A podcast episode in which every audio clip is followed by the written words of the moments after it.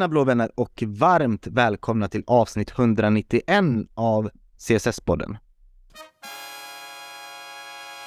Nej, inte CSS-podden. Vi har faktiskt bytt namn till Chelsea-podden by CSS. Och det kanske tar lite tid innan det eh, namnet eh, ändras då i era poddappar, men eh, det är alltså vårt nya namn, Chelsea-podden by CSS. Vi kände att det var ett mer logiskt namn, ett CSS-podden, eh, så att vi inte blir eh, förväxlade som några webbutvecklare eller webbdesigners. Eh, men förhoppningsvis så kan detta namnbytet också göra det lättare för nya Chelsea-fans att hitta denna podden eh, samt att vi sträcker ut en hand till, eh, ja, till det ämnet vi alla brinner för att prata om och klubben vi älskar som är just Chelsea.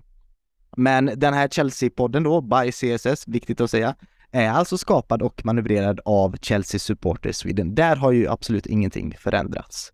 Och vi är ju alltså den enda officiella svenska Chelsea supporterföreningen med platinamedlemskap i Chelsea FC.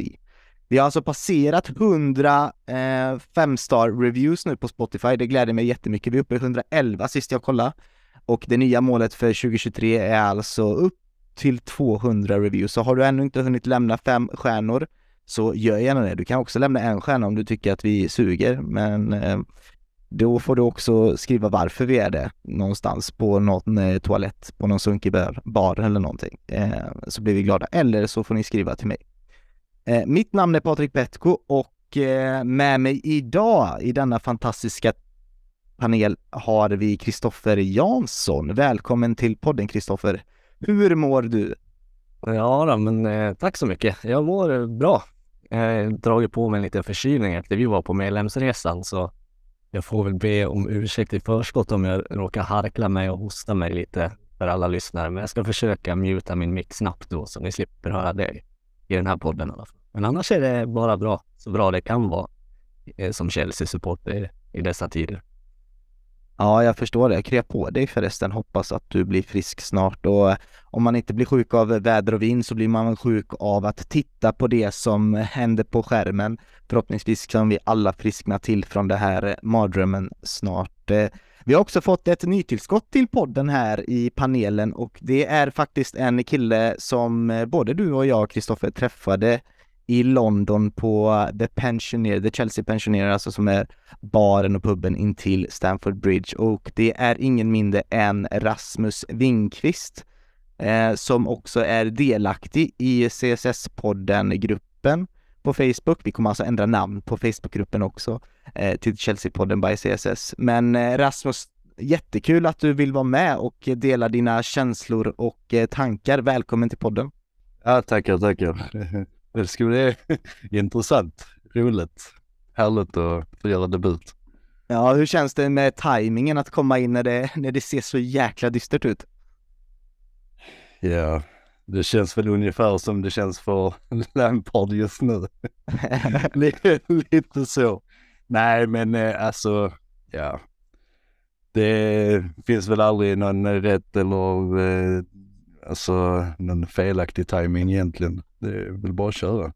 Det är bara att köra ja, och det bästa när det går med att det går dåligt är att man oftast har mycket tankar och känslor och funderingar så det tror vi och hoppas vi eh, och vet vi att du kommer bjuda på här nu detta avsnittet. Välkommen hit Rasmus! Tack!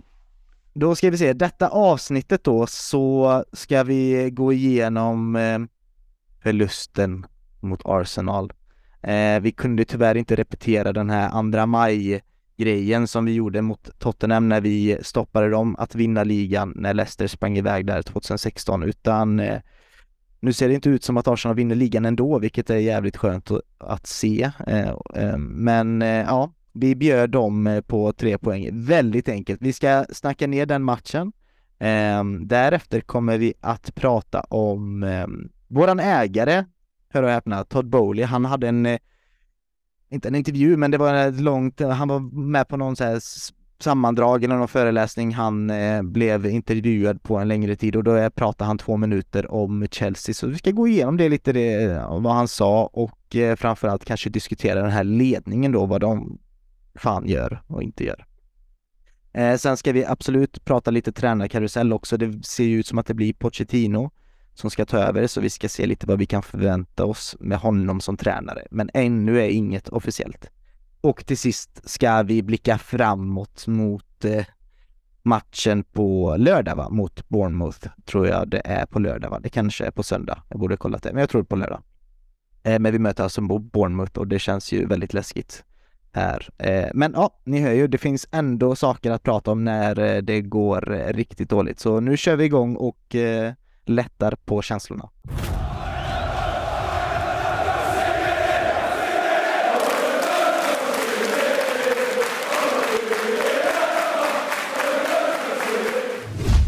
Ja, den här matchen mot Arsenal grabbar, alltså...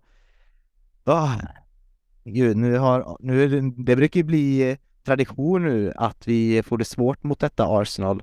Inte bara denna säsongen, men det är även de två förra säsongerna med har vi, vi har haft svårt att slå dem och eh, göra det övertygande dessutom. Um, det här, vilka som är liksom London is red, London is blue-frågan blir allt mer, eh, ja men verklig. Den har ju alltid varit eh, blå, i alla fall de senaste 20 åren. Men frågan är lite om det börjar eh, tilta över när det kommer till den röda sidan då, när det kommer till de interna fighterna.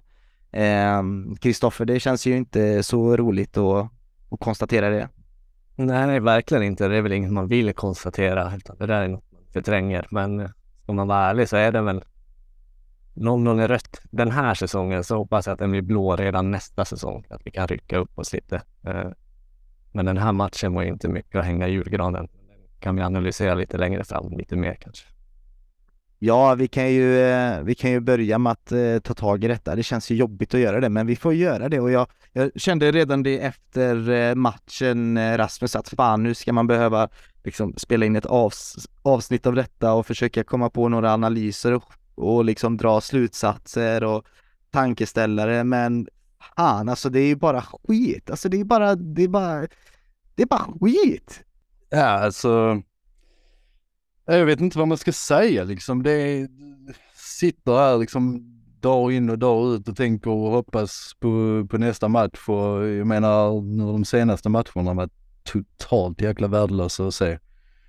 Och man får väl ändå någon form av eh, liksom tro när vi ska sättas mot alltså en lokalrival i Arsenal liksom. Det är bara gå ut och göra en så, alltså i alla fall platt första halvlek så att säga. Jag ville säga platt match men första halvlek var ju, alltså det är ju horribelt. Alltså tempofattigt, eh, alltså det är ju noll intentioner till att verkligen vilja styra matchen överhuvudtaget. Eh, oengagerat, vilsna på plan, eh, passningsspelet. Alltså vi kan ju, första halvlek kan vi inte ens slå en passning. Alltså varje gång vi vinner tillbaka boll så slår vi ju bort den två sekunder senare liksom. Det är, nej, jag vet inte, det är, jag finner inga ord för första halvlek. Så, så illa är det väl. Andra halvlek, ja, rycker väl upp oss en del när Modric kommer in till exempel. Ehm, det är väl den jag känner att när han väl kommer in vill göra någonting. Ehm, Utöver det liksom, ja du har Madueke i första halvlek som är, eh, ja bra av de sämsta. Ja men Om man kan säga så liksom. Men eh, utöver det, ja, jag vet inte. Horribelt. Fruktansvärt. Mm, jag håller ju med dig Rasmus. Den här ostrukturen lyser igenom sen matchminut ett liksom. Alltså när man kollar hur vi försvarar. Jag fattar inte hur strukturen ska vara eller ska se ut. För Madueke hamnar ju som någon defensiv mittfältare och hänger på Xhaka ibland och är bakom Kanté och Aspi. Den tanken kan inte jag fatta. Eh, och med boll så har vi inga idéer. Det finns ingen uppspelsvarianter eller hur vi ska söka. Eh, och sen det du sa om andra halvlek. Jag, tror, jag tycker inte att vi gör så mycket bättre andra halvlek. Det är Arsenal som slår av lite tempo och bevakar sin ledning. Vi skapar inte jättemycket förutom målet som kommer och det är ett briljant pass och en fin löpning. Och Sinchenko som sover lite. Men utöver det så händer det inte mycket i andra halvlek heller. Nej, nej ja, det håller jag faktiskt med dig faktiskt. Det är väl, man luras väl lite egentligen av att Arsenal slår av på tempot. Och jag kommer faktiskt ihåg att jag skrev exakt det också till en polare som är Arsenal-supporter. Eh, vi brukar snacka liksom mellan matcherna och så. Så det, det, det har du ju definitivt rätt i. Men eh, ja, jag tycker väl ändå vi sätter fingret på det mesta där. Ja, alltså det är precis som du är inne på Kristoffer där, alltså att det var lite ostrukturerat. Det, det kände man ju redan när eh, Lampard gick till, eller när man fick se den här startelvan då. Så eh, till en viss del kändes det, ja men kul med Madueke och kul med Ja, liksom den här tremanna mittfältet som på papper låter ju eh, hur bra som helst då. Då tänker jag alltså på eh, Conte, Enzo och eh, Kovacic. Men eh, han, alltså den här fyrbackslinjen har han provat, det har inte gått och han har ju provat. Alltså egentligen är det, vad fan håller han på med? Alltså jag, jag förstår inte riktigt vad Lampard vill göra med laget eh, riktigt och jag vet inte ens om han vet eh, vad han försöker göra heller eh, riktigt. Och eh, ja, nu är det alltså nu har Chelsea alltså förlorat, vi förlorade alltså matchen med 3-1, ni som vägrade titta på matchen och inte har kollat på resultatet efteråt, men vi förlorade matchen med 3-1 och nu har Chelsea förlorat alltså fyra raka Premier League-matchen för första gången sedan mars 1998. Det är återigen ett nytt negativt rekord vi slår denna säsongen och jag kan inte, vi kommer ju prata Bournemouth-matchen matchen sen senare i avsnittet, men jag kan inte ens se oss vinna den matchen. Jag eh, är eh, det är elva främlingar på plan. Det finns ingenting som tyder på någon form av spelidé. Det är som att många har glömt av att spela fotboll. Kovacic eh, står fel, han kan inte slå en passning. Än så lider jag med för han, det finns ju kvalitet där. Eh, Thiago Silva lider jag med också. Liksom, vad fan gör Aubameyang på plan? Vad är det för startelva? Alltså vad är varför, varför startar Pierre-Emerick Aubameyang? Varför byts Hakim Ziyech in? De ska inte ens vara i den här klubben till sommaren. Men, äh, jag vet inte, det känns så bara, det känns så genomruttet alltihop. Ja, nej, men ja, du går in på spelarna liksom, Aubameyang. Ja, Nej, jag, jag, jag vet inte varför man ger han fler chanser. Alltså, vi har väl snackat en del i den, i liksom den här gruppen också om, om att spela spelare som, som ska vara kvar till nästa säsong. Och vi startar med Aubameyang. Alltså, ja, det, det, det, går, alltså det går inte ihop för mig överhuvudtaget. Vad va, vad finns det som han ska göra? Alltså jag, jag fattar inte det. Jag, han, alla matcher han har kommit in har han sprungit alltså sprungit exakt likadant på plan som han har gjort denna matchen. Det finns ingen tendens överhuvudtaget till att möta boll. Det finns ingen tendens till överhuvudtaget till att, att ta fatt i boll på, på sista tredjedel eller egentligen andra tredjedel också för den delen. För att vi ska kunna bygga upp ett anfall. Alltså det, han är, det, det är ju ett spöke ju. Det är ju ett spöke. Mm.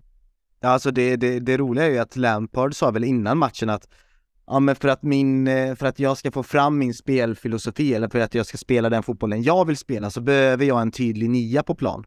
Ehm, det gjorde han ju tydligt i någon, jag vet inte om det var intervjun precis innan avspark där när man, eh, när de går in på plan eller om det var på presskonferensen innan, jag minns inte när det var, men det kvittar utan det var han gjorde det väldigt tydligt att det finns en chans här för Aubameyang och Aubameyang passar den här typen av fotboll jag vill spela. Då är det så jäkla ironiskt att han byter ut honom i halvlek och bara, ja ah, nej, där rök min idé. Liksom att han inte, ja men stick to your guns då, alltså Frank. Vad är det, alltså om det är så att du har bestämt för, för att spela Aubameyang och så gör du det tydligt för hela världen att det här är viktigt för din ja, spelfilosofi, så men stick with it, du vet. Alltså håll, gå, löp linan ut liksom. Ja, jag håller med. Men först och främst, vad har Lampard för spelidé? Jag tycker Nej första vändan han var hos oss hade han inte heller det mot slutet. Utan det var väldigt ostrukturerat. Man såg inga tydliga idéer. Då var det mycket ut på kant och slå inlägg. Det har vi inte ens nu känns det som. Så jag vet inte varför vi behöver en nia. Vi kommer inte ens upp med bollen dit. Det finns inga idéer på egen plan halva att spela upp den. Så. Eh, och det är ju inte första gången Aubameyang blir utbytt i halvtid. Det gjorde man väl under Potter och när Potter väl körde han från start en match helt hux flux. Då åkte han ju också av efter 45. Och Lampard har ju sagt att han har kollat på gamla matcher, men den matchen måste han ju ha missat. Alltså jag, ja, jag vet inte hur mycket ni vill gå in på de individuella misstagen vid alla mål, men eh, jag menar hur roligt det är att prata om det. Men Ödegaards första mål kan man ju säga att det är rätt snyggt, även fast Kovacic kanske borde ha ja, men trackat det Ödegaard lite bättre. Och sen andra målet är det väl Sterling som tappar, eh, har jag för mig va? När Ödegaard gör det andra målet. Eh. Men sen, ja, jag vill ändå fokusera på någonting som är positivt och det är väl att Madueke Rasmus eh, gör sitt eh, första mål för, för klubben.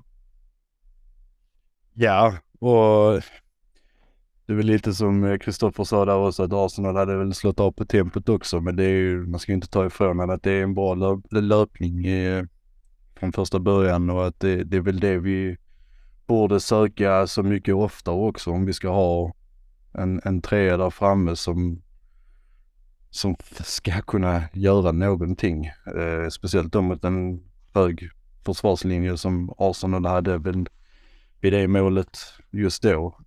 Eh, men eh, ja, det var väl eh, den lilla glimten eh, vi fick se. Och, men visst, ja men visst känns han lite som en, liksom, han är en bättre version av Hudson Odoi än Hudson Odoi eh, tycker jag då med Madueke. Det var ju det är spännande och sen hade ju någon aktion där i första halvlek var det va, när han liksom bröt sig igenom på högerkanten, eller han från mittlinjen någonstans ner till hörnflaggan så kom han förbi eh, två, tre spelare och sen tappade bollen till slut. Men får han support och utvecklas rätt så tror jag väldigt mycket på eh, Noni Madueke som fotbollsspelare för Chelsea. Han, han verkar vara en väldigt lovande talang ändå, Kristoffer. Ja, men jag håller med. Han har ju mycket kvaliteter ser man. Sen behöver han ju mer speltid och få tid att utvecklas. Han är fortfarande ung och kommer från en sämre liga, liksom holländska. Så vi får, får ge honom lite tid, men det finns ju mycket kvaliteter och kan bygga vidare på hos honom. Mm. Jag tyckte han eh, gjorde en helt okej prestation faktiskt och tycker om hans, eh, han la väl ut en post på Instagram och Twitter och allt sånt där efteråt att han var väldigt stolt av att eh, får representera den här klubben och att han, eh, eller att han får ha klubbmärket på sitt, eh, på sitt bröst sa han va, om jag ska vara extra tydlig. Eh, och att han fortsätter kämpa och att man ska tro på laget och sådär. Så jag tyckte det att han visade eh, ja men lite stolthet som eh, verkligen behövs nu. Det är inte många spelare som eh, är ute online och vad ska man säga, försöker mana på sina fans. vilket kanske är förståeligt när det ser så här ut.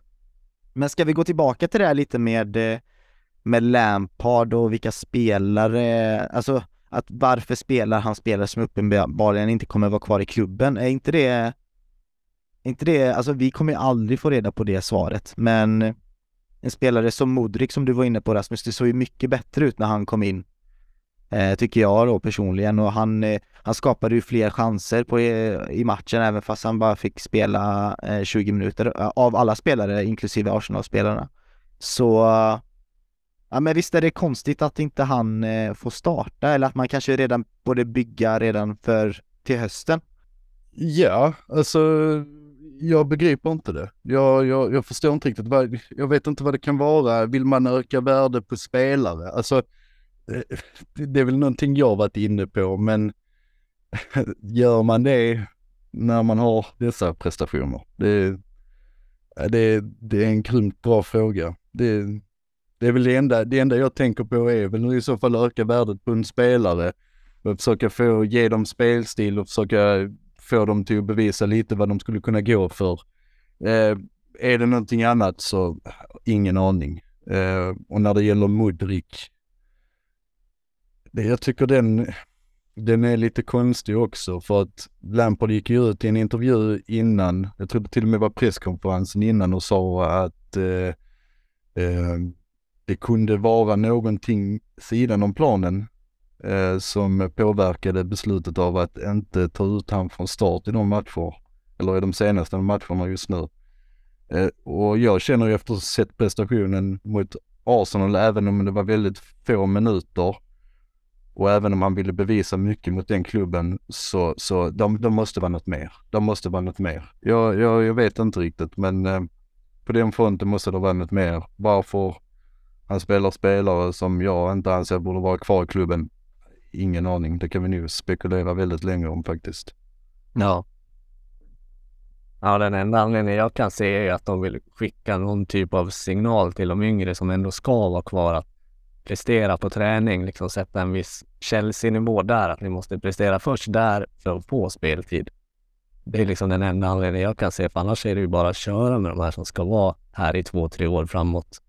Eh, och i min värld, hade jag varit Lampard så hade jag gjort det, för det, han skyddar sig själv genom det enligt mig. Eller hur? Då, då har du liksom råd med att kanske förlora för att du kör de unga. Du ger ändå dem chansen för framtiden.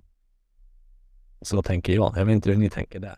Nej men jag håller med till 100% och det är intressant med för att Fabregas var ju inne på det, han var i studion där på eh, Sky Sports tror jag det var. Eh, och så sa han ju efter matchen att eh, man borde låta de unga spelarna spela. Och då refererade han tillbaka det till eh, den här eh, säsongen 15-16 när, när ligan var körd. Och eh, Gosidin kom in efter Mourinho.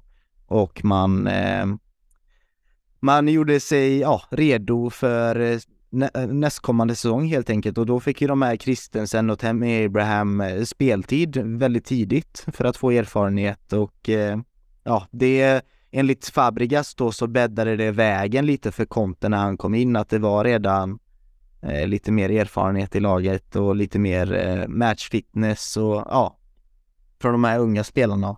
Eh, och han är ju lite förvånad då att man inte, just Lampard då som vet hur klubben funkar och vet hur viktigt det är med ungdomarna och akademin, att man inte har valt att göra detta då. Men eh, vi släpper det. Jag tycker att vi, eh, vi kommer aldrig få reda på varför eh, man byter in Hakim Ziyech. Alltså jag vet inte om han, presterar han bättre i träningar än Mihailo Modric så, nej jag vet fan, det, det tror jag inte alltså att han gör. Men, men jag tycker att Jonas Frank ställde en relevant fråga här i, i vår Facebookgrupp och det är ju ett längre inlägg här men jag, kort, han, jag ska korta ner det lite. Det han undrar egentligen från oss i panelen här och lite det han vill att vi ska diskutera det är ju avsaknaden av en ledare i den här gruppen, alltså i, i truppen då. Um, han menar på att Reese var ju en förhoppning då att han skulle kunna steppa upp som ledare men han tycker att killen är för snäll. Um, och så undrar han om det är tvunget att en, en lagkapten måste ha varit i klubben en längre tid. Det tycker jag är en intressant fråga. Så det han undrar mer eller mindre är, är liksom Chelsea tvungna att gå och köpa en lagkapten? Eller liksom måste man ha en lagkapten som har varit i klubben en längre tid? Så tycker jag det är lite roligt då att bilden till den här frågan han lagt upp på gruppen så har han eh, bifogat en bild med Roy Keane, John Terry och eh, eh Patrick Vieira och du vet de här benknäckarspelarna, de finns inte riktigt längre. Längre, alltså om jag börjar på att svara på den här frågan då så ger jag ut det i panelen sen men enligt mig så har fotbollen förändrats något enormt de här, eh, de senaste 15 åren. Och liksom det, det, det, det gör det. Så kolla bara på fotbollen på 80-talet, 90-talet, 00-talet och eh, 10-talet. Det, det har förändrats nästan för varje årtionde egentligen i, i stora skiften, både när det gäller taktiskt och eh, spelarprofiler och det mediala har blivit mycket, mycket viktigare. Eh, varumärkesbyggandet har blivit viktigare och eh, laget kommer inte allt alltid på första plats riktigt. Så det är därför tror jag inte heller det fostras sådana här typer utav benknäckar ja, med spelare riktigt som eh, liksom är redo att dö för sin klubb. Och det är väl bara en bitter sanning från min sida vad jag tror att eh, som händer. Jag tror ledare idag i fotboll är mer eh, kollektiva eh, i sättet att de inte alltid syns, inte alltid hörs, men att de eh, jag vet inte. Eller, alltså, jag har hört bland annat från, vad är det, Gary Neville att Roy Keane, han, han pratade nästan aldrig på plan. Eh, eller så, eller han, han, var inte, han skrek inte liksom oh, come on boys, come on. Han var inte en sån snubbe liksom enligt Gary Neville utan det var mer att han visade eh, genom hur han spelade. Eh, John Terry var väl en blandning, han skrek ju till med, han var ju också lagkapten för eh, för en väldigt god anledning. Eh, han visade verkligen hur man, hur man skulle leda en klubb. Men hur ser era syn ut på just ledare och lagkaptener det är en jätteviktig fråga som jag tycker Jonas Frank ändå tar upp här, men jag har nog aldrig eh, känt mig så eh, diffus i någon fråga någonsin i, i fotboll när det kommer till eh, lagkaptener och ledare Eh, idag än för typ tio år sedan. Liksom i tio år sedan var det solklart vad en ledare var för mig. Idag känns det lite mer diffus. Så jag tänker att det är ändå ett bra samtalsämne att ha här så att vi kanske kan vi eh, reda ut det lite. Vad, vad är en ledare för, för dig, Kristoffer? Oj, det är väl någon som ändå går i bräschen liksom och för laget framåt på något vis. När det går emot, eh, både vid på och vid sidan av planen. Eh, det är mycket som inte vi ser som påverkar vad kapten. Det är mycket som händer i omklädningsrummet, händer på träningsplan. Det är liksom där kapten kanske behövs som mest i den dagliga verksamheten på något vis. Eh, sen vad de gör på plan, det ser, ter sig väldigt olika. Vissa är verbala, vissa visar med hur mycket man springer, tacklas, alltså med sitt spel, att man är kapten. Eh, jag, jag vet inte, jag är lite old school. Jag skulle ju vilja ha en sån där John Terry, Dennis Wise typ. Men som du säger, de är ju lite på utdöende. Så de finns ju inte på samma sätt som de gjorde tidigare. Nej, och jag, jag håller med dig och jag håller med alla egentligen. Eh, eller båda två rättare ehm, sagt. Ja, jag, jag tror det är, precis som ni har sagt också, jag tror att det spelar, där det spelar mest roll är inte under matchtillfället, utan det är redan som du säger Kristoffer, i omklädningsrummet, på träningar, eh, efter träningar, liksom det, det, här sociala, att du ska vara den här naturliga personen som sticker ut. Du behöver inte nödvändigtvis eh, säga något eller skrika eller vad det nu än är, men folk måste dras till dig på något sätt. Eh, sen är det ju, alltså hur det sker är ju, det finns ju många olika, vad ska man säga, tillvägagångssätt för att det ska kunna ske.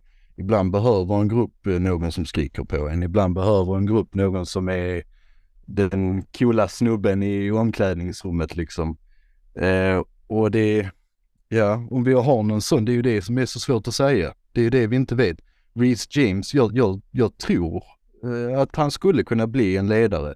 Jag tror inte att han är det just nu, dels på grund av ålder och erfarenhet till exempel. Men jag tror att han skulle bli en, eh, kunna bli en bra ledare till slut. Beroende, eh, eller vad ska man säga, det beror bara på lite hur, hur han själv väljer att agera så att säga. Kommer han bli den som skriker? Kommer han bli den som är den coola snubben i omklädningsrummet eller den som alla dras till i omklädningsrummet, den som alla dras till för att kunna få råd eller vad det nu än är. Då är du ju också en ledare på något sätt. Så att, eh, ja, det, det återstår att se. Du har en annan, Mason Mount, eh, som jag också tror skulle kunna bli en ledare. Eh, och det som jag tror också är, är viktigt, det är någonting som också togs upp att eh, ja, jag tror att man måste ha haft personen i klubben ett längre tag. Jag tror det är något av det viktigaste också. För att du måste ha en person som känner till klubben, alltså har värderingarna som, som då klubben står för, eh, kan, kan kulturen, anammar kulturen i klubben och går i bräschen för klubben som som både du Patrik och Kristoffer sa också. Eh, det är liksom, jag, jag, tror det är det som är grunderna. Eh, sen återstår det ju alltid att se vem som utvecklas till att, till att bli den ledaren också. Det är väl där. Mm, jag håller med dig och du nämner ju Reece James och Mason Mount och de har jag också. Uh, sen kan jag slänga in Chilwell tycker jag har tagit kliv i år. Att vara den här ledaren. Han är lite grisig också tycker jag på plan och knuffas av. Visar i alla fall känslor. Så han skulle kunna vara en outsider. Eh, sen tänkte jag bara kommentera lite där, behöver han varit i klubben? jag är inte riktigt säker. Vi kollar, van Dijk köpte Liverpool in. Klockren mm. ledare i deras mm. lag. Och han köpte sin liksom. Så den, ja, jag är inte helt hundra på att man behöver vara i klubben. Jag tror bara man behöver ha den typen av pondus eller karaktär. Då kan man komma in i ett omklädningsrum och bli någon form av kapten direkt. Jag tycker van Dijk är ett jättebra exempel.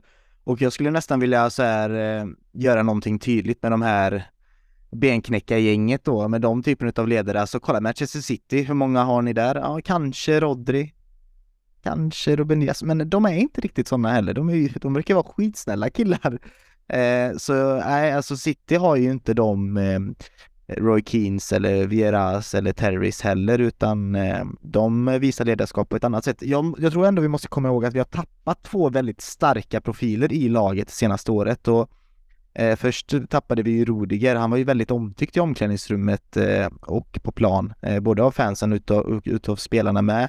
Men den dol, doldisen här är ju Jorginho. Eh, han var ju väldigt omtyckt av omklädningsrummet, har det dykt upp nu eh, i efterhand och att han också visade stort ledarskap, kanske också därför han vann eh, binden då, eller förtroendet för att ha binden helt enkelt. Så det har kommit ut rykten med att, eh, eller det har kommit upp uppgifter att typ, laget inte är ute och hänger socialt längre, att det inte finns samma sammanhållning längre eh, det socialt eh, och liksom att de inte hittar på lika många aktiviteter och inte hänger med varandra. Vilket är, du vet, alla ska inte vara bästisar i ett lag, det är inte det jag menar, men eh, det hade varit noterbart att det har avtagit i alla fall. Och där tror jag att Jorginho är en, eh, var en viktig del i det och där, eh, det, det är lite det ni båda säger och framförallt du då Rasmus, när du säger att det här sociala är en så himla viktig grej, att man ska vara liksom en skön kille som folk kan luta sig mot liksom. En annan intressant grej är ju eh, Lampards kommentar efter matchen. Jag tänkte att jag, tänk, jag har väl, jag har översatt den här. Eh, han var ju med i, i Sky Sports, men jag kände att det blir också en bra brygga till nästa ämne. För Lampard eh, väljer alltså att eh, ja, men kritisera liksom eh, ledningen och strukturen lite. Men han säger alltså så här. Eh, Chelsea har varit en stor framgång i 20 år. Men för närvarande befinner vi oss inte i den positionen, berättade han alltså för Sky Sports. Under den tid jag har varit här är det tydligt att se bakom kulisserna på träningsplanen anledningarna till varför. Om du ska vara ett trevligt lag att spela mot hela tiden spelar det ingen roll vart du går. Det kommer inte att förändras över en natt, men vi måste komma dit snabbt. Eh, det passiva inslaget i vårt spel kan tillskrivas många olika faktorer. Spelarna bryr sig verkligen. Eh, de har lågt självförtroende, men när du spelar för Chelsea måste du spela på ett visst sätt även om du har lågt självförtroende. Och det är väl lite den här kommentaren med att under den tiden jag har varit här är det tydligt att se bakom kulisserna på träningsplanen anledningen till varför, alltså till varför det inte är en framgångsrik period just nu. Och det känns ju lite ändå, Rasmus, som att han pekar väl på den nya ledningen och eh, ja, den nya strukturen som är på plats. Ja men och det, det jag, jag håller med honom. Alltså om, om det nu det är det han antyder, för det tycker jag också det känns som. Eh, du, du kommer in till en klubb som, som varit framgångs, eh, framgångsrika så pass länge, som man också säger, liksom 20 år. Eh, och så ändrar du om allt. Alltså för, för mig, det, det går liksom inte riktigt ihop. Och det, det är där jag tror att det någonstans har fallerat också. Eh, och, och, jag tror att det är därför säsongen ser ut som att den gör också. För att, för att bygget kommer alltid börja uppifrån.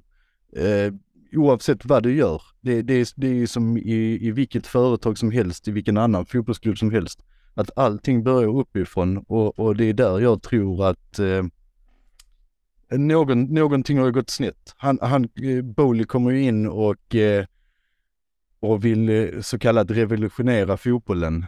Eh, drar igång liksom, eller drar över monsterkontrakt på spelare och sparkar liksom personal för att de inte behövs längre. Man ska gå på statistik bara nu så att då behöver vi inte vissa scouter och så vidare. Du vet ju, och, och det, det sprider ju sig som en chockvåg i hela klubben. Det, så ja, jag, jag känner exakt samma sak, definitivt. Ja, men jag håller med er. Eh, sen vill jag bara säga att på sikt tror jag Bowler de har en bra plan. Men som jag var inne på, de har ju raserat allt som vi haft under 20 år. Eh, och jag gillar kanske inte att dra paralleller till andra klubbar, men när Moise kom in i United så gjorde han samma sak. Han kickade hela tränarstaben och lite annat folk försvann. Och det tog ju många år. De är ju inte tillbaka där de var innan det heller. De är ju på väg uppåt mer än vad vi är, men de har ju haft en många långa säsonger här som har varit mindre bra. Så det här kommer nog att ta tid att bygga upp något nytt. På sikt tror jag att det blir bra, men just nu, allt de har gjort, de har gjort det lite väl snabbt kanske. kanske skulle vara lite lugna analyserat vad behöver vi egentligen göra för nya saker. Som Rasmus var inne på, Kickan och eh, medicinsk kille och nu har de återanställt honom på något, Ja. eh, vet inte, vad kallas det, konsultroll. Han är varje söndag, tror han konsultar för oss. För att han är upptagen nere i Como. Alltså det är så här, ja hur tänkte ni där? Kunde ni inte ha avvaktat den avskedningen och sett? Där tror jag är ändå på spel, spelarnas begäran ändå tror jag väl att, att han, var det inte så? Jo, men då kanske man kunde ha avvaktat det då och haft kvar Ja. han, hört med spelarna, vad tycker ni behöver liksom få med dem på banan också och liksom få in deras röster i vad ska vi göra, vad behövs och så vidare. Det, ja, och det, det är ju liksom som vilken chef eller vilken person som helst i en chefsposition. Alltså, du, du kan inte komma in på en arbetsplats och bara så detta, detta, detta ska vi ändra. Du måste ju också, du måste också känna av liksom vad är det som behövs, vad är det som inte behövs? Vad eh, kan vi ta, vad ska man säga, lite långsammare? Vil, alltså vilken process kan vi ta lite långsammare? Vilken måste vi eh, ta och fixa nu? Alltså, nu, nu har ju Bowley och, och company, de har ju kommit in och bara liksom så vi ska rasera allting Roman har byggt upp och, och sen så bara göra vår grej liksom. Det, det är ju, ja, det är ju där, det är ju chockvågen liksom. Det, det är det som, som visar sig nu. Jag tror ju verkligen det. Det är där jag tror det största problemet ligger. Och vi har ju det här liksom med, som, som många också har pratat om, ja men, men tränarna är inte tillräckligt bra. Nej, men om vi har en ledning som anställer tränare som inte är tillräckligt bra, det är ju fortfarande deras fel. Det är ju fortfarande där skon klämmer liksom. Så att, eh, nej. Misstaget och förfallet tror jag kom redan när vi började ändra massa saker direkt när eh, Bolly och company hade köpt klubben. Och definitivt när vi valde att sparka eh, Tuchel. Jag tror det är ja, där allt börjar.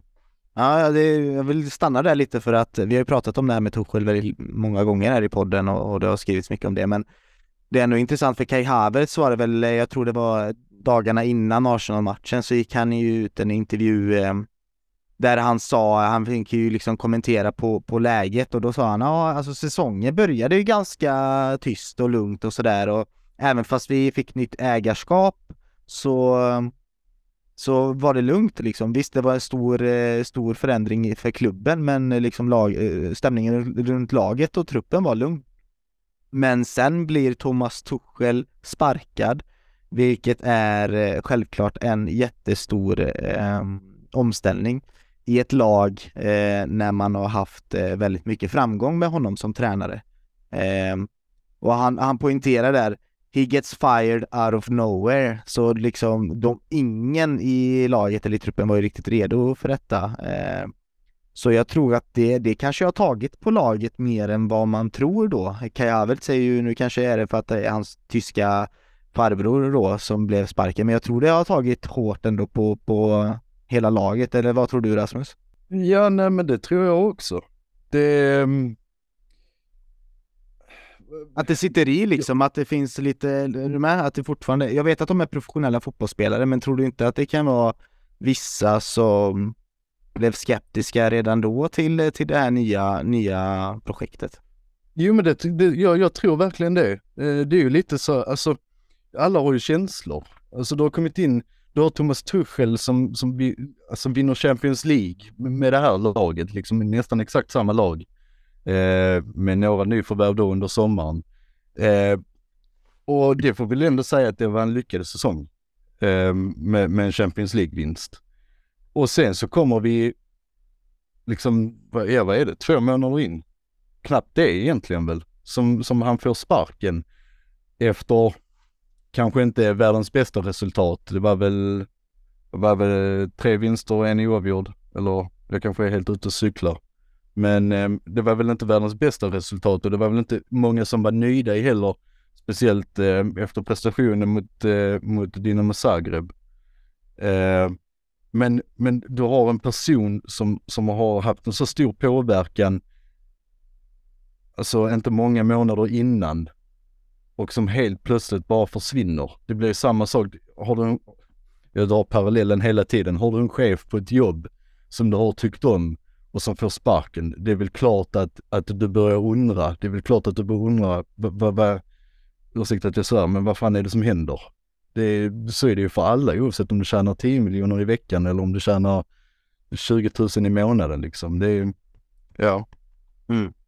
Och det är ändå, alltså visst Champions League var ju 2021 men sen vi hade ju ändå en bra säsong förra, förra säsongen eh, också då vi var med i två cupfinaler och vi åkte ut mot Real Madrid där lite snopet eh, i Champions League och sen eh, ja, tar vi ändå en Champions League-plats eh, inför denna säsongen då. Så det var inte så att man kunde, att, att den här sparkningen på något sätt var befogad utav resultat, eh, det var ju nog det.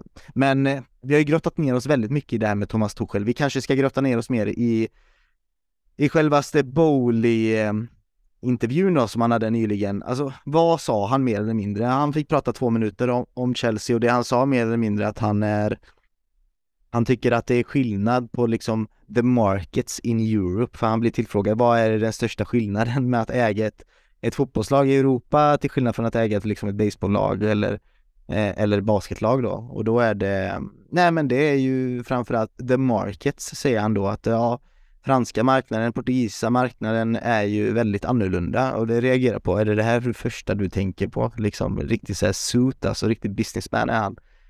Um, men sen sa han det även att han, eh, att han märker nu att eh, fansen är väldigt eh, krävande.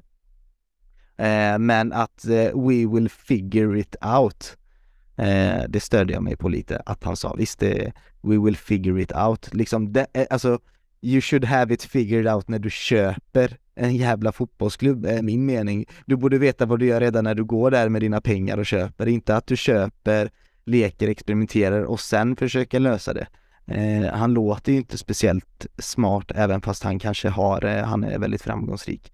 Men eh, ja, det var lite chockande. Det var, jag vet inte om ni, ni har väl eh, hört den här lilla korta intervjun. Vad, vad är era tankar på hans eh, kommentar kring, eh, kring situationen? Eh, Kristoffer, vi kan ju ta dig.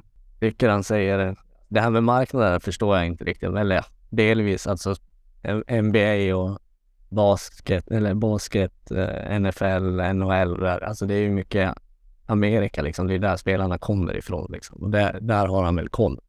Eh, I Europa så blir det lite olika länder och ja, jag fattar inte riktigt vad han menar med det.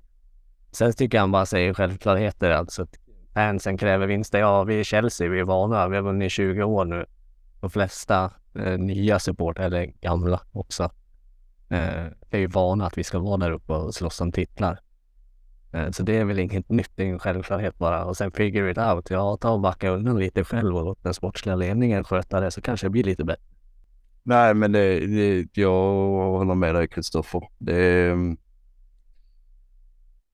det, det känns som en klassisk intervju från, från någon som försöker liksom köpa tid och någonstans förståelse från liksom supportrarna eh, med klassiska liksom ja, kanske inte klassiska citat, men, men ganska vanliga citat som, som ska få supportrar till att lugna ner sig. Jag vet inte. Jag, jag, jag får inte ut någonting av den intervjun. Marknaden, som du säger, ja, det är väl lite mer stängd marknad i, i, eh, i USA. Um, ehm, det är väl svårare att kunna organisera och navigera sig runt i en marknad som är så pass stor som den är i fotbollen. Men ja, jag, jag tycker det är en intervju som bara är, jag tycker den är lite bisarr. Jag tycker den är lite, jag tycker den är lite, eh, lite löjlig. Jag vet inte. Jag får den känslan i alla fall. Ja men jag, jag måste bara, alltså jag reagerar ju på det här med marknader, alltså han, han blir ju faktiskt direkt tillfrågad. Vad är det som har chockat dig mest? Eller vad är det första du har lagt märke till när du har eh, tagit över den här klubben då? Eller när du har köpt eh, Chelsea då? Eh, och, så, och då är det the markets. Ja, att det är en global sport. Och att det finns tittare. Men vad fan, visste du inte det? Alltså du låter som en jävla pajas när du säger så. Alltså du vet, jag stör mig något otroligt på den här, eh, ja, ja jag får hålla mig inne här nu, men alltså jag, jag, jag stör mig på det här. Alltså hur kan man inte veta om att det här är en global sport? Det är världens mest tittade sport. Hur kan det vara någonting som chockar dig? hur kan det vara någonting som är så anmärkningsvärt? Du har lagt 40 miljarder kronor på att köpa, alltså vet du inte vad du köper? Men det, det är som att han vet ju inte vad han ska säga ju. Alltså, han- det, det är som att han babblar, han får en fråga och sen så babblar han, han om någonting bara, bara för att. Det, det känns ju lite så ju. Ja, det är, ja, jag vet inte, jag, jag, jag kan inte ta honom riktigt mer på allvar. Jag hoppas verkligen, vi diskuterade detta i för, förra avsnittet, eh, att eh, han kan ta ett steg tillbaka. Det hade gjort liksom alla så mycket gott om man bara kunde hålla truten och låta de, de sportsliga Oh, de, de, de sportsliga kunniga helt enkelt eh, ta vid och styra den här klubben åt rätt håll. Eh, men vad fan, jag ska inte säga någonting. Hade jag investerat 40 miljarder i ett fotbollslag så hade jag också nog velat ha något att säga till om, eh, tror jag ändå. Men eh, vi stänger ändå Bowley-kapitlet där. Alltså det, det kommer, vi skulle nog kunna dedikera en hel podd åt hela den här takeovern, tror jag faktiskt, eller ett helt avsnitt. Men jag känner att vi, vi, vi sa ju att vi ska låta de sportsliga kunniga helt enkelt styra denna klubben åt rätt håll och ja, en av de viktigaste posterna i en fotbollsklubb det är ju faktiskt eh, tränarrollen. Är och häpna. Och eh, där har vi ju ingen riktig tränare. Lampard är ju bara någon som ska hålla laget säsongen ut och sen eh, har det ju varit spekulationer om vem som ska ta över och precis efter att vi hade redigerat och slängt ut förra avsnittet så blev det ju klart att eh, Nagelsmann eh, blir det ju inte. Så då är ju allt fokus på eh, Maurizio Pochettino då. Som det verkar, eh, ja men det verkar ju vara nära nu Kristoffer att det är han som kommer att ta över som tränare för oss så Ja, jag var väl, jag kan inte säga att jag var negativt inställd men jag var ju jag var ju väldigt skeptisk inställd till eh, en sån här anställning när jag hörde namn som Luis Enrique och Julian Nagelsmann men eh, nu är han det enda alternativet som jag känner att eh, att ja, men det här är rimligt och ju mer jag tänker på det faktiskt så är det kanske också precis det eh, just den här truppen då med så många unga talangen, eh, talanger behöver. Vad, vad tänker du och känner du Kristoffer när, eh, när om du hade fått se Mauricio Pochettino där på tränarbänken? Ja, som du är inne på, det var ju inte mitt första val heller när man hade Nagelsmann och Enrique. De, enligt mig, låg de ovanför Pochettino. Och det här, hans Tottenham-historik, den sitter ju lite där i bakhuvudet på en och gnager liksom. Det är egentligen det som stör mig mest. Eh, för kollar man liksom vad han har gjort i sina tidigare klubbar så har han ju ändå presterat rätt bra. Både Spanjol, Southampton och sen Tottenham som alla vet om. Sen är det ju PSG som inte gick jättebra då, men vem har lyckats där egentligen? Ja, Tuchel är väl den som har gjort det bästa, men han fick ju också kicken. Så.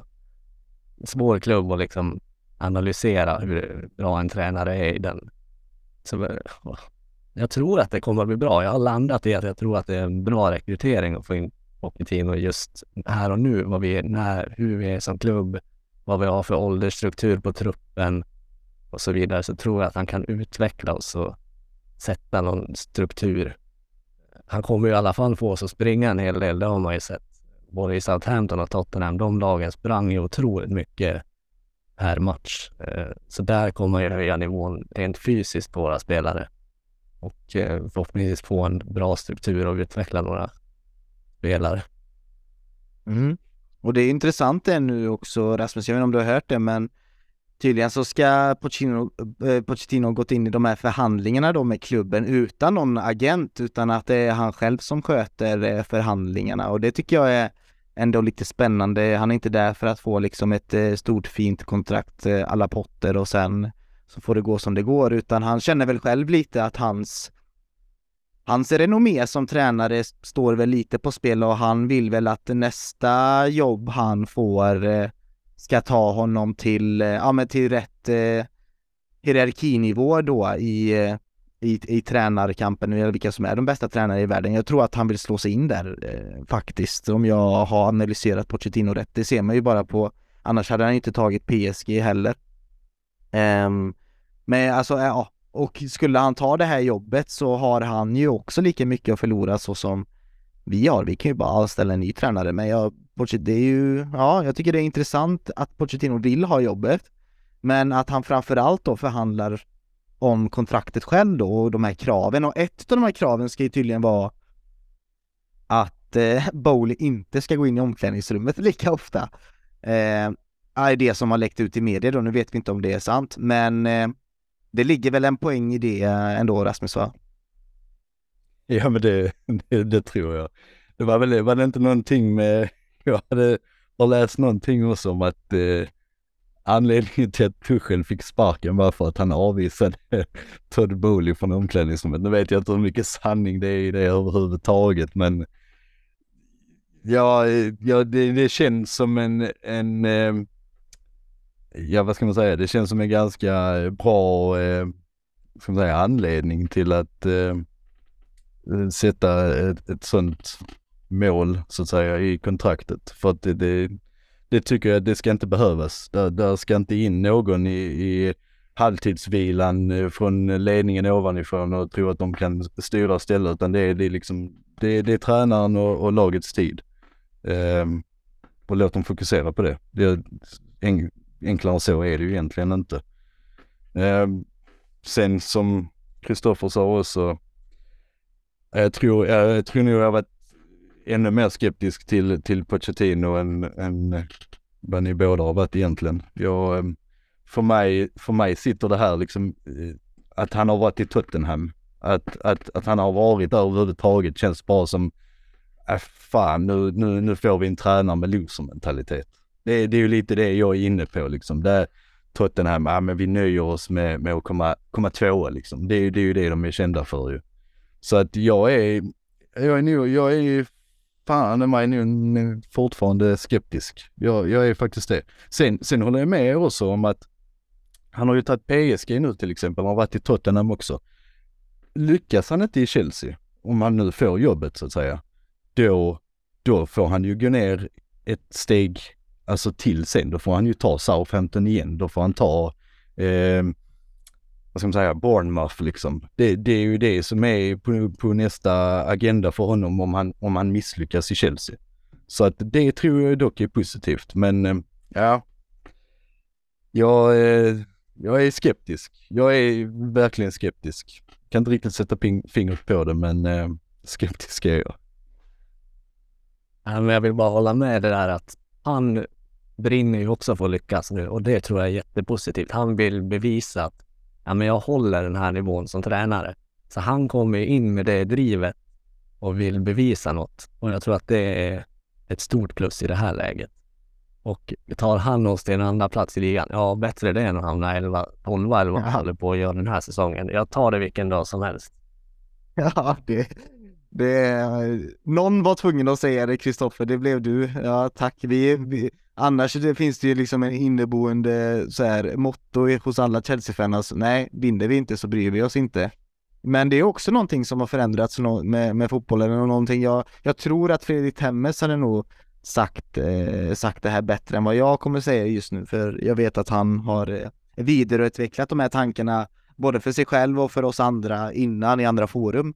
Men det är ju det här att fotbollen handlar, eller modern fotboll handlar inte riktigt eh, om det som Chelsea har gjort de senaste 15-20 åren, alltså att eh, fire and hire och eh, vad ska man säga, bara tänka kortsiktigt utan att man måste bygga långsiktigt och självklart är det ju så när man tittar på de framgångssagorna runt om i Europa att de som har byggt längst och eh, har haft mest självförtroende i sina egna projekt Eh, är ju de klubbarna som, som lyckas och det är ju bara att kolla på Arsenal City, Liverpool, eh, alltså kolla Brighton bland annat eh, liksom. Och det är ju rätt sägande också att West Ham inte har sparkat David Moyes än. Man tror fortfarande på honom av någon anledning. Men eh, ja, så jag, alltså det här, det, det som PSG och Chelsea håller på med eh, och har hållit på med ett tag Nej, det, det, är, eh, det är good old times, det funkar inte längre och därför tror jag att Pochettino skulle kunna passa då att han har bevisat då att han kan bygga upp lag eh, och få, ja men återigen det här med mediokra spelare att se bättre ut. Eh, ja, det, det, det, men så sa jag väl om Potter också, men nu har ju eh, Maurizio Pochettino ett helt annat renommé och eh, CV att visa upp än eh, vad Graham Potter har. Mm, men det du var inne lite på där Patrik, att få spelare, medelmåttiga spelare att höja sig. Alltså han har ju också en track record på att få anfallare att prestera. Harry Kane blev ju den Harry Kane han är idag tack vare Pochettino. I Southampton så fick han Ricky Lambert och Charlie Austin att se rätt bra ut. Och det är mm. riktiga medelmåttor. Så jag hoppas han kan komma till oss och få utväxling på våra anfallsspelare. Typ Broja eller någon av dem. Att de kan ta nästa kliv under honom. Men du glömmer att nian är cursed. Tänkte jag säga. nej, nej men äh, där, jag håller med dig. Jag håller med dig. Det är väl, eh, och jag tror att det är där vi, ofta denna säsongen också, äh, alltså att det, det, det är ofta är där vi, vi förlorar matcher också. Vi gör ju vi gör inte mål. Det säger du, du, du ska ju kunna släppa in ett, ett mål och, och göra två. Du ska kunna släppa in ett mål och göra tre. Till exempel. Sen givetvis, du vinner titlar på försvaret. Det, det, det står jag fast vid och det är liksom min filosofi från när jag var tränare. Men ja, ska man i alla fall bli tvåa till exempel, då gäller det fasen att göra mål också. Och det gör vi ju definitivt inte just nu. Så att eh, ja, där, eh, där hoppas jag han skulle kunna göra underverk. Så vi får se. Ja, det är också, alltså kom ihåg Eriksen med. Alltså han gjorde ju även eh, sina offensiva mittfältare eh, spännande att se på. Eller nu har jag Eriksen mest eh, i huvudfokus då. Han fick ju honom att bli Ja men att hela, alla stora fotbollsklubbar i världen ville ha honom och hade det inte varit så att eh, Eh, Real Madrid hade haft eh, Luka Modric som man också snodde ifrån Tottenham så hade man nog säkert gått på Eriksen. Jag minns att det var lite skriverier om det när han var som hetast. Så det är också intressant. Eh, anfallen måste ju starta någonstans och vi behöver en kreativ eh, ja, men kreativ, en kreativ pjäs där på mitten. Frågan är ju om det är Mason Mount då som ska bli våran Eriksen. Och jag måste vara ärlig, även fast man har sina starka känslor mot eh, Tottenham, så under tiden som eh, Maurizio Pochettino var tränare för eh, för Spurs så eh, jag njöt faktiskt av att kolla på, eh, på dem spela för de spelade så jävla bra fotboll. Och jag är först och främst en fotbollsälskare och eh, jag, jag kollar all typ av fotboll när jag har tid över. Och eh, precis så som jag kollar på Brighton idag och det De Serbi gör så njöt jag faktiskt av att kolla på det ehm, eh, Maurizio Pochettino och eh, Spurs gjorde vid den tiden. Och då var det eh, en, en jävligt fartfylld anfallsfotboll som faktiskt tog dem till en Champions League-final, det får vi inte glömma, även fast det var lite turligt där i semifinalen mot Ajax när eh, Mora fick in det där målet. Så ja, de kom ju ändå dit eh, och sen var det lite snöpligt eh, att de tappade finalen där tidigt, eller snöpligt var det inte, men för dem var det ju snöpligt. De hade nog kunnat ge Liverpool en bättre match. Men ja, så jag har faktiskt förtroende för honom. Men det är ju där att så länge förutsättningarna är rätt och att inte ledningen blandar sig i för mycket och att det blir för mycket politik och att om vi kan bara rensa den här jävla truppen så kommer jag vara glad. Men då är den stora frågan, ni sa nummer nio, den är cursed, absolut, men eh, nu börjar det ryktas som att Harry Kane kanske ska komma till, eh, till, eh, till oss blå här och byta sida i London. Och eh, frågar du mig så känns det ju helt fel. Vad tycker ni, Kristoffer? Jag tror att han hade gjort det bra så, men han kommer inte till oss. Alltså vi kan, jag spräcker den direkt. Eh, skulle Harry Kane ha flyttat och varit i City den förra året eller när det var när han ryktades dit. Eh, han kommer inte att flytta till oss. Varför ska han flytta till oss? Förstöra sitt Tottenham-läge till ett lag som är under dem i tabellen just nu också. Så nej, jag tror inte så mycket på det ryktet. Men någon nia måste ju ändå komma in, eh, Rasmus, och eh, det är ju det som är det stora problemet. Och det har också varit en, en av de här kraven då han ska ha haft, att vi ska få in en, eh, en renodlad striker. Tror du att han skulle kunna få Lukaku på sin sida kanske? Att eh, Lukaku kanske vill ge detta ett till försök, eller tror du att vi måste kolla någon annanstans? Jag tror eh, inte att han får Lukaku på sin sida och dessutom tror jag att även om han skulle få Lukaku på sin sida så tror jag inte han är rätt. Jag tror inte det. För det första har han ju totalt sabbat sin chans i Chelsea och jag känner mest att går vi tillbaks till Lukaku så är vi, ja, jag vet inte fasen vad vi håller på med då. Eh, för det andra så, så jag, jag tycker inte han passar vår spelstil. Givetvis med vilken tränare som nu än kommer så förändrar du ju en spelstil. Men jag, jag tror att i, i engelska ligan så när du väl har, har ett högt bollinnehav så, så har du en tendens till att pressa ner motståndarna ganska bra liksom i eget straffområde. Och då tror jag att han är fel. Jag tror verkligen det. Han eh, vill ju ha mycket yta, vill ha mycket, vad ska man säga, löpdueller egentligen eftersom han ändå är ganska snabb trots sin storlek. Eh, och jag tror inte det fungerar. Jag tror, eh, fasen vi skulle haft Giroud. Han skulle ja. varit kvar. Shit. Mm. Det hade varit, eh, fan vad dumt att sälja honom. Och eh, Tammy Abraham ska sägas det. Och vi har ju faktiskt en köpoption där på Tammy Abraham. Kanske någonting eh, Chelsea kommer att spela på till sommaren. Eh, vi får se. Men vad är, vad är han för typ av tränare, Kristoffer? Eh, nu ber jag inte om en taktisk eh, utläggning här utav eh, Maurizio Pochettino direkt, men Eh, jag tänker att om det är så att han blir officiell så ska jag söka mig runt ute i det virtuella eh, fotbollskunnandet ute på internet för att se om jag kan hitta någon eh, riktig vass eh, taktiker som ja, vi kanske kan bjuda in till podden för att prata lite mer om Maurizio Pochettino. Men han är ju alltså upplärd utav eh, vår kära Marco Bielsa då som har varit eh, med och eh, uppfostrat några coola tränare, bland annat eh, Pep Guardiola då och han är ju en väldigt, eh, han, hans spel eh, Ja, det förknippas väl med väldigt vertikalt och rakt på sak va, Kristoffer? Är det, är det min, är det, är det en halvsanning? Ja, men det tycker jag. Och hög press, springer mycket gör hans lag som jag var inne på förut. Det är liksom något han alltid haft med sig, både Southampton och Tottenham.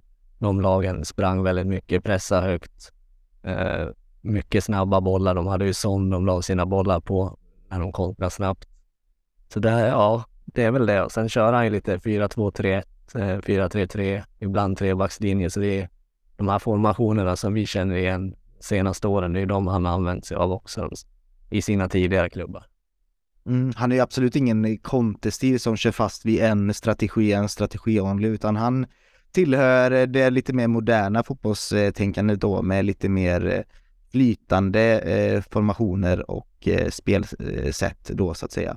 Men det handlar ju väldigt mycket om att eh, eh, skapa ytor för andra spelare och för sig själv och att eh, han använder ju sina ytterbackar väldigt mycket i, eh, i sin uppbyggnadsfas där. Så det är ju, det känns ju tryggt att vi har Rhys James och Chilwell där eh, som förmodligen återigen då kommer bli väldigt viktiga pjäser för, eh, för vår nya tränare. Rasmus, vad, vad är din känsla när du, eh, när, när du tittade på eh, det gamla Tottenham med, med Maurizio Pochettino? Gillar du i alla fall det du såg utav Pochettino som, som tränare? Om du bara skiter i klubbmärket och bara kollar på fotbollen på, på plan?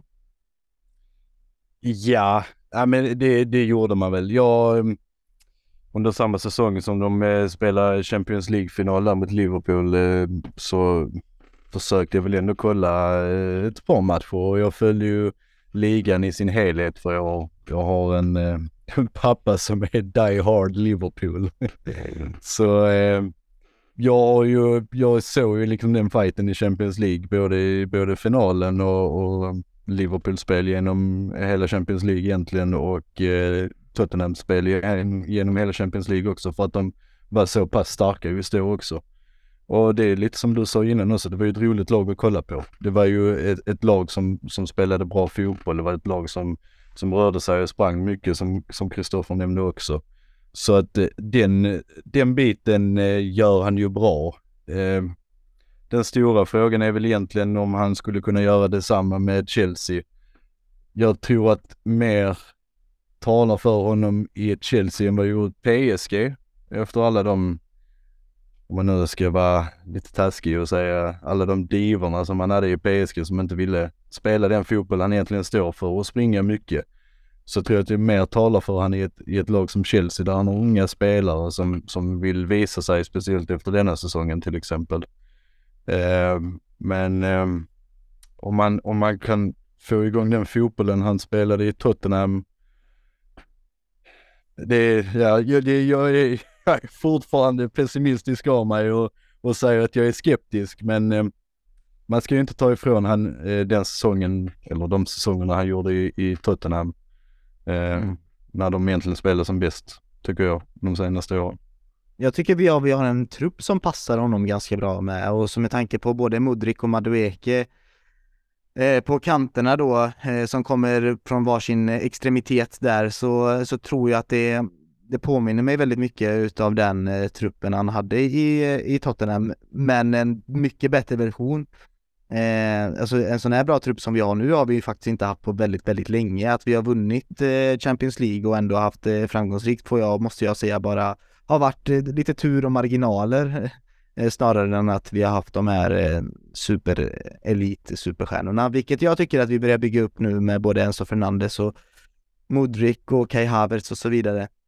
Så någonstans så, eh, jag tror att den här truppen är väldigt eh, ja, men bra för honom tror jag och det finns, inga, det finns ingen som kommer sätta sig över Mauricio Pochettino heller.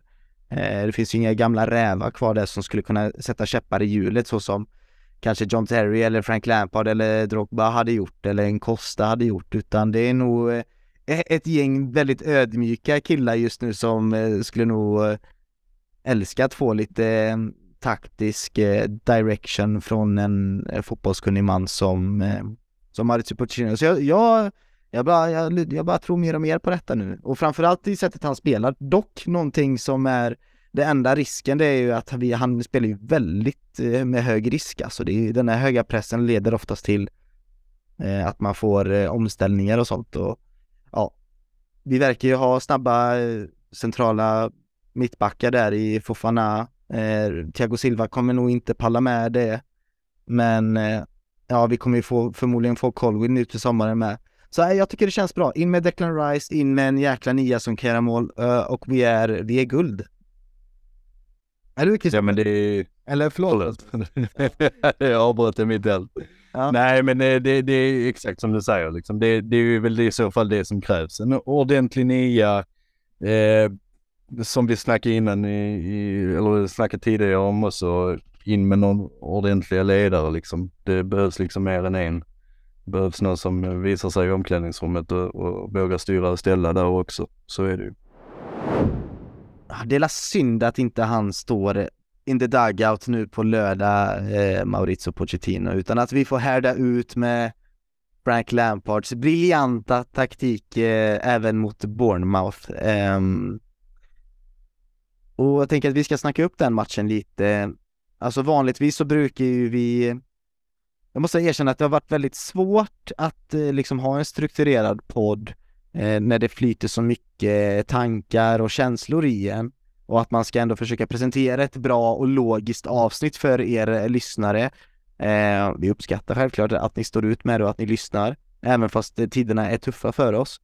Eh, vanligtvis brukar vi ju göra en ganska djup eh, analys utav laget vi ska möta, där eh, någon i panelen har gjort lite extra, ja men vad ska man säga, lite extra, har gjort lite extra um, påläsningar om, om laget vi ska möta och så vidare. Men vi, alltså jag känner ju att typ säsongen är över. Jag vill bara att det här ska ta slut.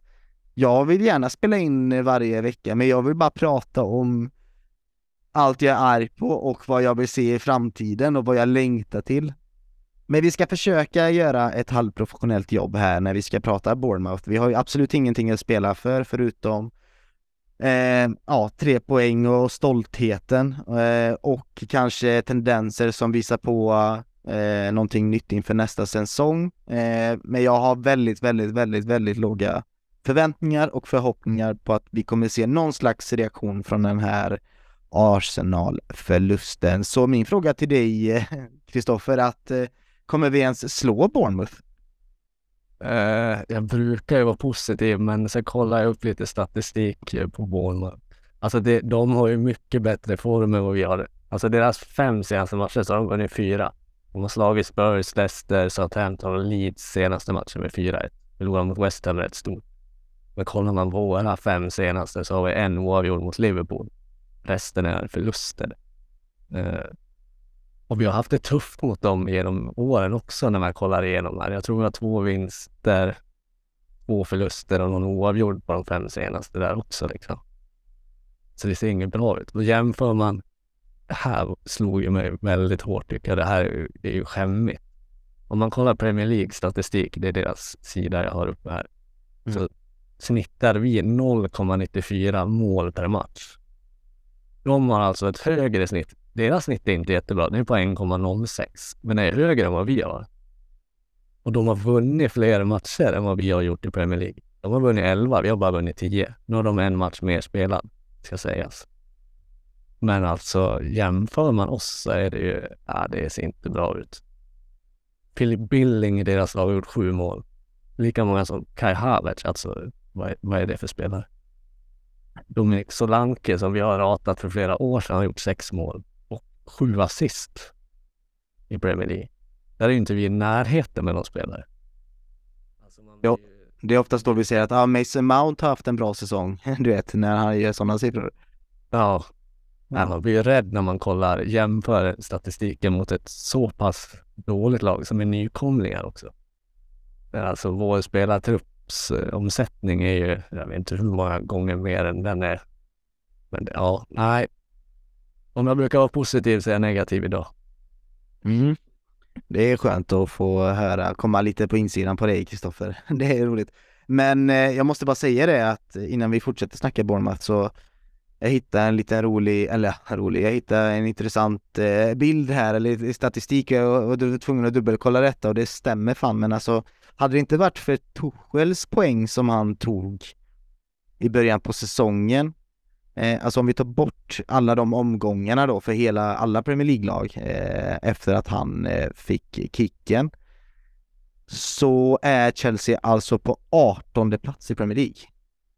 Det är liksom, det är Championship Next.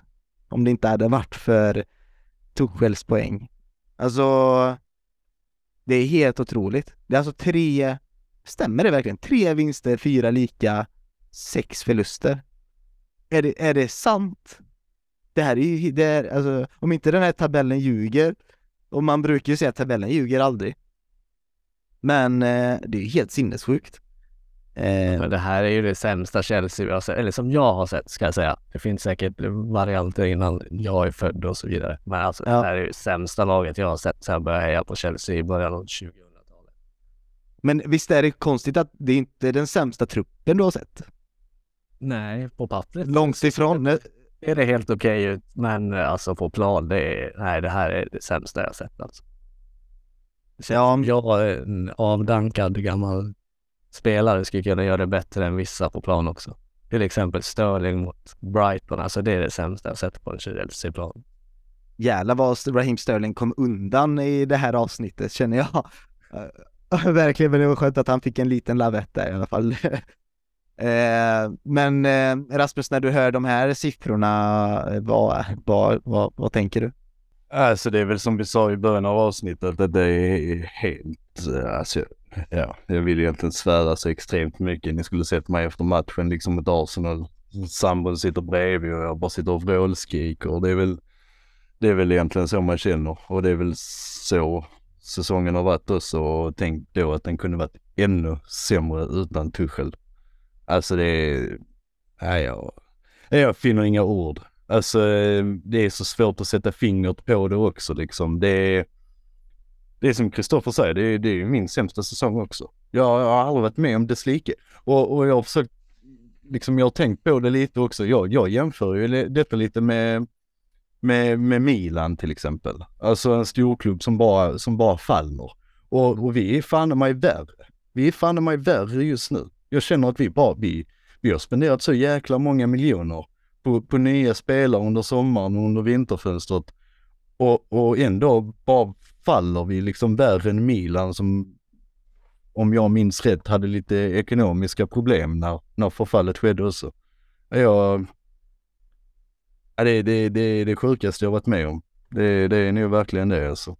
Och det börjar bli pinsamt nu också för det är som hela journalistkåren och eh, både andra tränare liksom skojar ju om det och liksom säger att det här är det eh, eller både Liverpool, eller förlåt, både Jürgen Klopp och andra tränare har ju påpekat om att vilket förfall detta har varit. Eh, Samtidigt som Gary Neville liksom kallade honom för, alltså Booley då för någon fotbollmanager eh, så att han spelar tv-spel liksom och eh, att han inte riktigt vet vad han håller på med. Så säger han andra sekunden att om de bara får in Pochettino så är de en topp tre-klubb. liksom. Eh, det, är ju, det säger en hel del om att vi har det, vi, vi sitter på, på pappret ser det bra ut. Men det är någonting som är ruttet, det är någonting som stinker runt om och det börjar bli pinsamt nu att hela fotbollsvärlden skrattar åt oss. Alltså det är inte så att man har, man får, man får inget medlidande heller på grund av att vi har spenderat så jävla mycket pengar och eh, snott Modric då om man vill säga så framför Arsenals näsa liksom och eh, du vet lägger de här stora pengarna på Enzo Fernandes och köper alla de här unga talangerna eh, och liksom nej, det är pinsamt. Men det där fanns ju eh jag läste ju någon tweet liksom under Arsenal-matchen att, att eh, någon då som, som tweetade ut detta liksom som satt nära Arsenal-bänken där, där han såg liksom spelare som, som, som skrattade åt oss. Alltså spelare och personal i Arsenal som skrattade åt oss så fort vi vann bollen och, och hade en omställning. För att de, de visste liksom om att, att äh, här händer ingenting. Alltså det, vi, vi, vi är ju the, the laughing stock liksom of Premier League just nu. Alltså det, det är ju inget snack om saken ju. Ja. Ja, Liam Newsom sa ju väl, äh, Liam Newsom tweetade väl det också, du vet den här kontringen när Kanté kom och eh, vi var tre mot två tror jag, ypperligt läge liksom, passa höger, passa vänster, nej. Kanté, nu kan vi inte skylla honom på hans eh, kreativa kvaliteter men eh, när bollen till slut gick till Arsenal då och eh, Chelsea slarvade bort det anfallet så skrattade många i publiken då enligt honom. Och han var ju där på plats.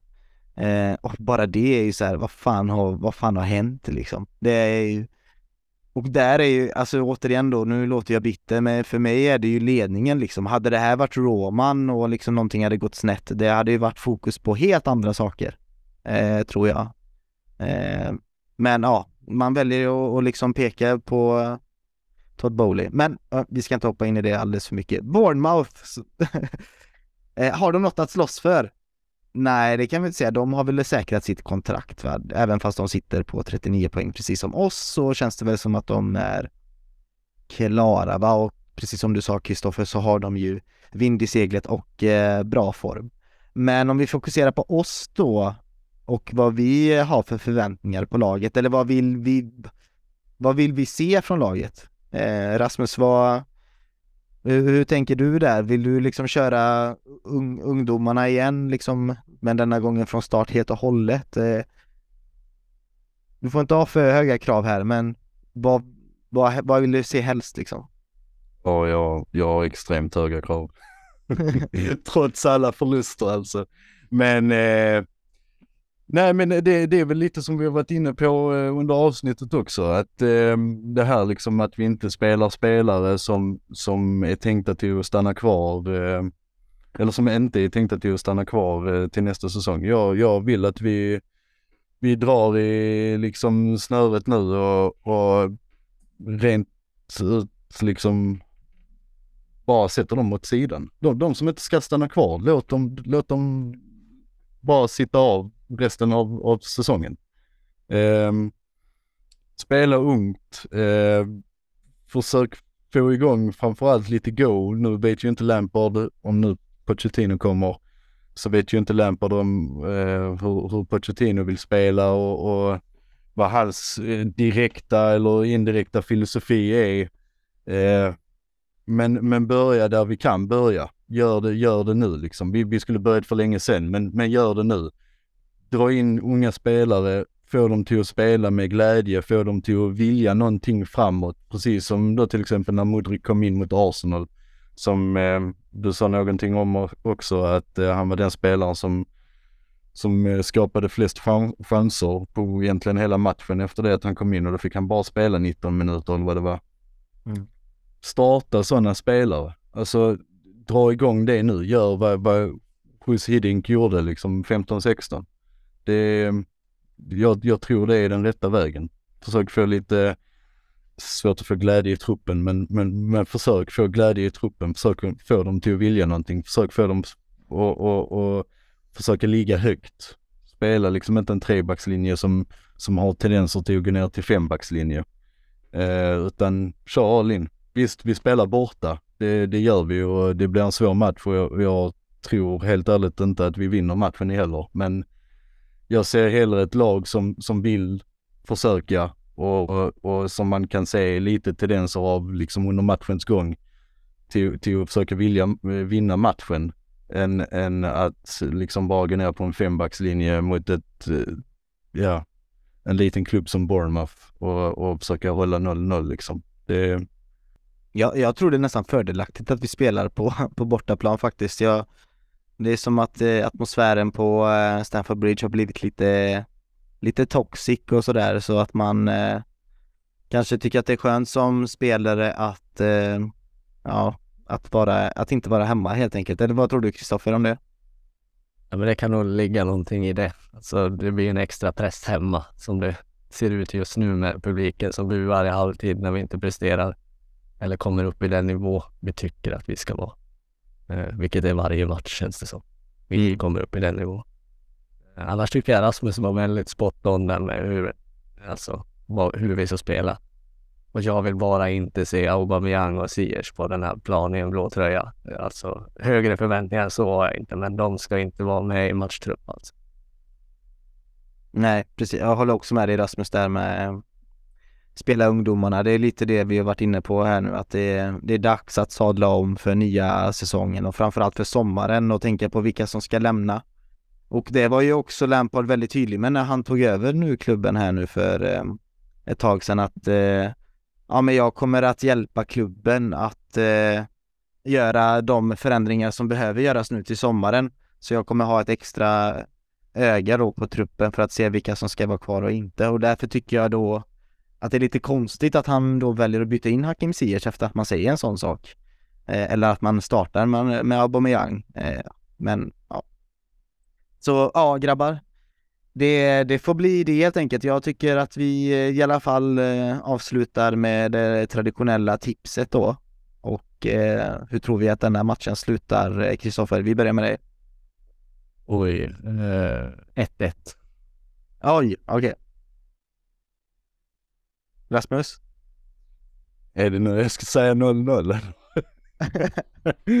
nej, nej, jag vill, jag vill hoppas, eh, spelar vi ungt och, och går in eh, i matchen från första början med lite flärd och, och lite vilja så, så tror jag att vi, att vi vinner borta med 3-1. Men eh, jag fasar för en 0-0 eh, match eller att eh, Bournemouth eh, vinner med 2-0. Sådär. Så vi ska ge tre mål alltså? När gjorde vi det senast? ja, det... det är bra länge sedan. Ja, shit. Nej, jag, jag vet inte fan vad jag tror alltså. Det är... Eh... Alltså jag vet inte. Jag orkar inte med en till förlust tror jag. Du är helt sargad nu efter all min pessimism. ja men det är lite, alltså jag börjar bli lite apatisk med det. Det skrämmer mig lite att jag typ inte bryr mig riktigt utan det är, jag, det är eh, jobbigt att ens behöva erkänna att eh, Alltså för det första ser jag inte ens fram emot matchen och för det andra så bryr jag mig inte riktigt om hur det slutar, eh, hur resultatet slutar. Men det jag vill se på plan i alla fall är något annorlunda än vad jag har sett de senaste veckorna och månaderna.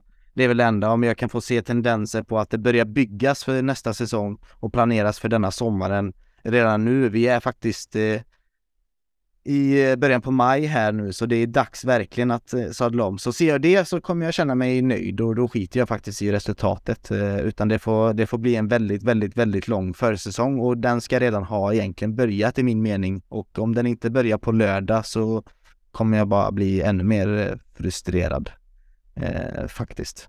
Men ja, jag tycker att vi sätter punkt där. Men innan vi gör det, fan jag glömde säga att eh, det ser ut som att Reece James och eh, Mason Mount inte kommer spela mer eh, denna säsongen. De båda har ju skador. Mason Mount har genomgått en operation eh, vid magen och där har vi anledningen till varför han inte har spelat. Så nu är det bekräftat och lugn och ro så vi får se om den här kontraktssituationen kan lösa sig. Det ser ut som att det har skett lite positiv utveckling där de senaste dagarna.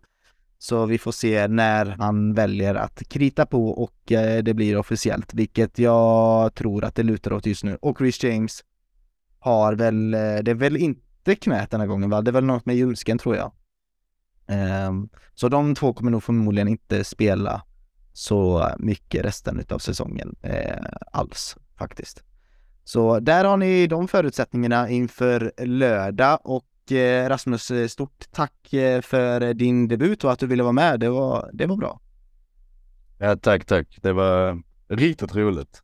Riktigt roligt. Nu, vi snackade ju en del eh, i, i London också på The Chelsea Pensioner och redan där var det sjukt kul så jag, jag tackar så extremt mycket.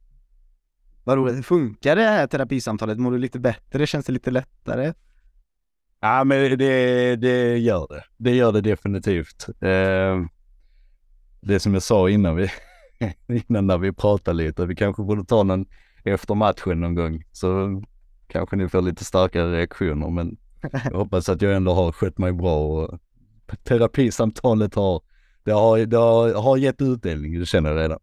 Ja, stort tack för din delaktighet och eh, vi ser fram emot att du dyker upp fler gånger eh, i podden här och stort tack till dig också Kristoffer för att du var med idag, eh, även fast eh, det ser ut som det gör så fan jävligt bra medverkat idag. Ja men tack så mycket. Det är alltid lika roligt att vara med, även om resultaten går emot oss nu. Men det vänder väl någon gång. Någon gång kommer det, botten är alltså inte nådd, det har vi konstaterat. Även fast det var det jag trodde förra avsnittet. Men eh, mina damer och herrar, det var allt för idag. Tack så mycket för att ni har lyssnat eh, och eh, för att ni har tagit del utav detta terapisamtal.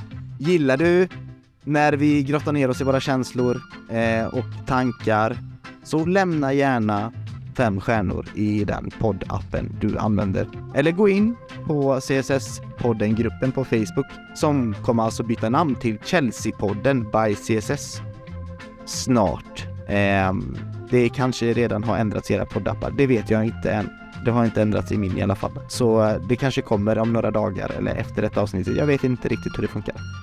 Men eh, gå med där i alla fall och släng en like eller en kommentar på avsnittet så att vi kan se vad vi kan förbättra och eh, vad ni tyckte om avsnittet. Ett annat sätt att bidra det är ju självklart att gå in på vår svenska fans, svenskafans.com england Chelsea där du kan ta del utav matchrapporter, analyser och krönikor. Ehm, den är, de är skrivna utav vår duktiga redaktion på CSS och det kommer ju även ut lite matchbetyg där efter matcherna och det har ju varit väldigt roligt faktiskt att läsa dem, speciellt då matchen efter Brentford då Linus Sjöström inte brydde sig om att skriva betyg utan alla i laget fick underkänt. Eh, Precis så känner vi om hela Chelsea just nu. Ni är underkända och vi kräver bättre resultat. Och därför säger vi Keep the blue flag flying high.